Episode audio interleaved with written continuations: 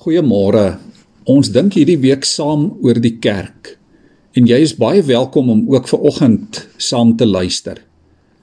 As gelowiges glo en bely ons dat God alomteenwoordig is.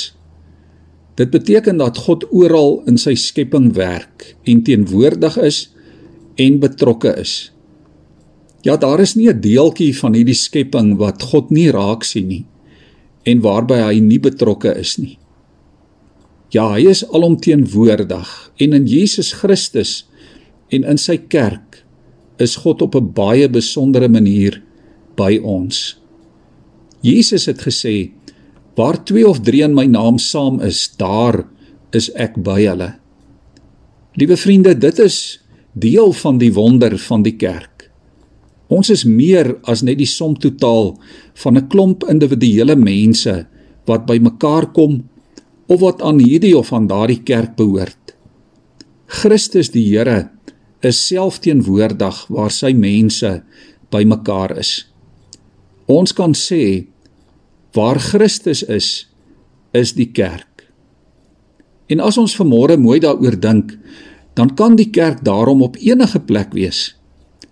Waar Jesus is, is die kerk. En daarom is die kerk nie noodwendig in 'n kerkgebou nie. Die kerk kan ook onder 'n boom wees. Die kerk kan onder die oop hemel wees waar 2 of 3 in sy naam saam is. Daar is hy. En waar Jesus is, is die kerk. Dit is darem maar geweldig as ons so daaroor dink vanmôre. En ons het geloof nodig om dit reg te verstaan. Wat die Heilige Gees van Christus is tussen en by mense soos jy en ek. Daar is die kerk. Mense en buitestanders kan baie maklik aan die kerk dink as net 'n klomp lidmate in 'n lidmaatregister. Maar ons weet dit is nie waar nie. Die woord sê in 'n medegelowige ja in 'n geloofsbroer en in 'n geloofsuster ontmoet ons vir Christus self. By elke samekoms van gelowige mense is die lewende Here self teenwoordig. En hy is gereed om ons as medegelowiges te seën en te versorg in sy groot liefde. Efesiërs 1:3 sê hy wil ons seën met al die seënings van sy gees wat daar in die hemel is. As ons dit alles vanmôre hoor, beteken dit ons hoef nooit ons geloof in die kerk prys te gee nie. Ons moenie ons entoesiasme vir die kerk van die Here verloor nie. Ook juis nie in hierdie tyd waarin ons lewe nie. 'n Uitdagende tyd, maar ook 'n tyd vol geleenthede. Vir kinders van die Here is elke dag vol geleenthede. En ons moet dit verwag Ons moet met afwagting bid dat die Here ons in en deur sy kerk wil seën. Ja, hy wil ons in oorvloed seën. Liewe vriende, ons kan tog nie anders dink oor die kerk nie. Want dis die Here se kerk. Dis die Here se eiendom en dis die plek waar die Here is en waar hy besig is om te werk. Ek lees vanmôre vir ons Matteus 18 vers 15 tot 20.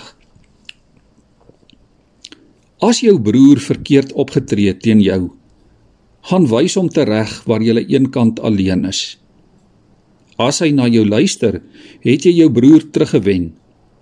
Maar as hy nie luister nie, neem nog een of twee met jou saam, sodat alles wat gesê word deur die woord van 2 of 3 getuies bevestig kan word. En as hy na hulle nie luister nie, sê dit vir die gemeente. As hy ook na die gemeente nie luister nie, moet jy hom as 'n heiden en 'n tollenaar behandel. Dit verseker ek julle. Wat julle ook al op die aarde toesluit, sal in die hemel toegesluit bly. En wat julle ook al op die aarde oopsluit, sal in die hemel oopgesluit bly. Verder verseker ek julle, as twee van julle op aarde oor enige saak saamstem en daaroor bid, sal my Vader wat in die hemel is, hulle dit laat kry. Want waar 2 of 3 in my naam saam is, daar is ek by hulle. Ons bid vanmôre saam. Here, dankie dat U na ons toe kom en dat U by ons is. U wil deur U Gees in ons vir U woonplek kom maak.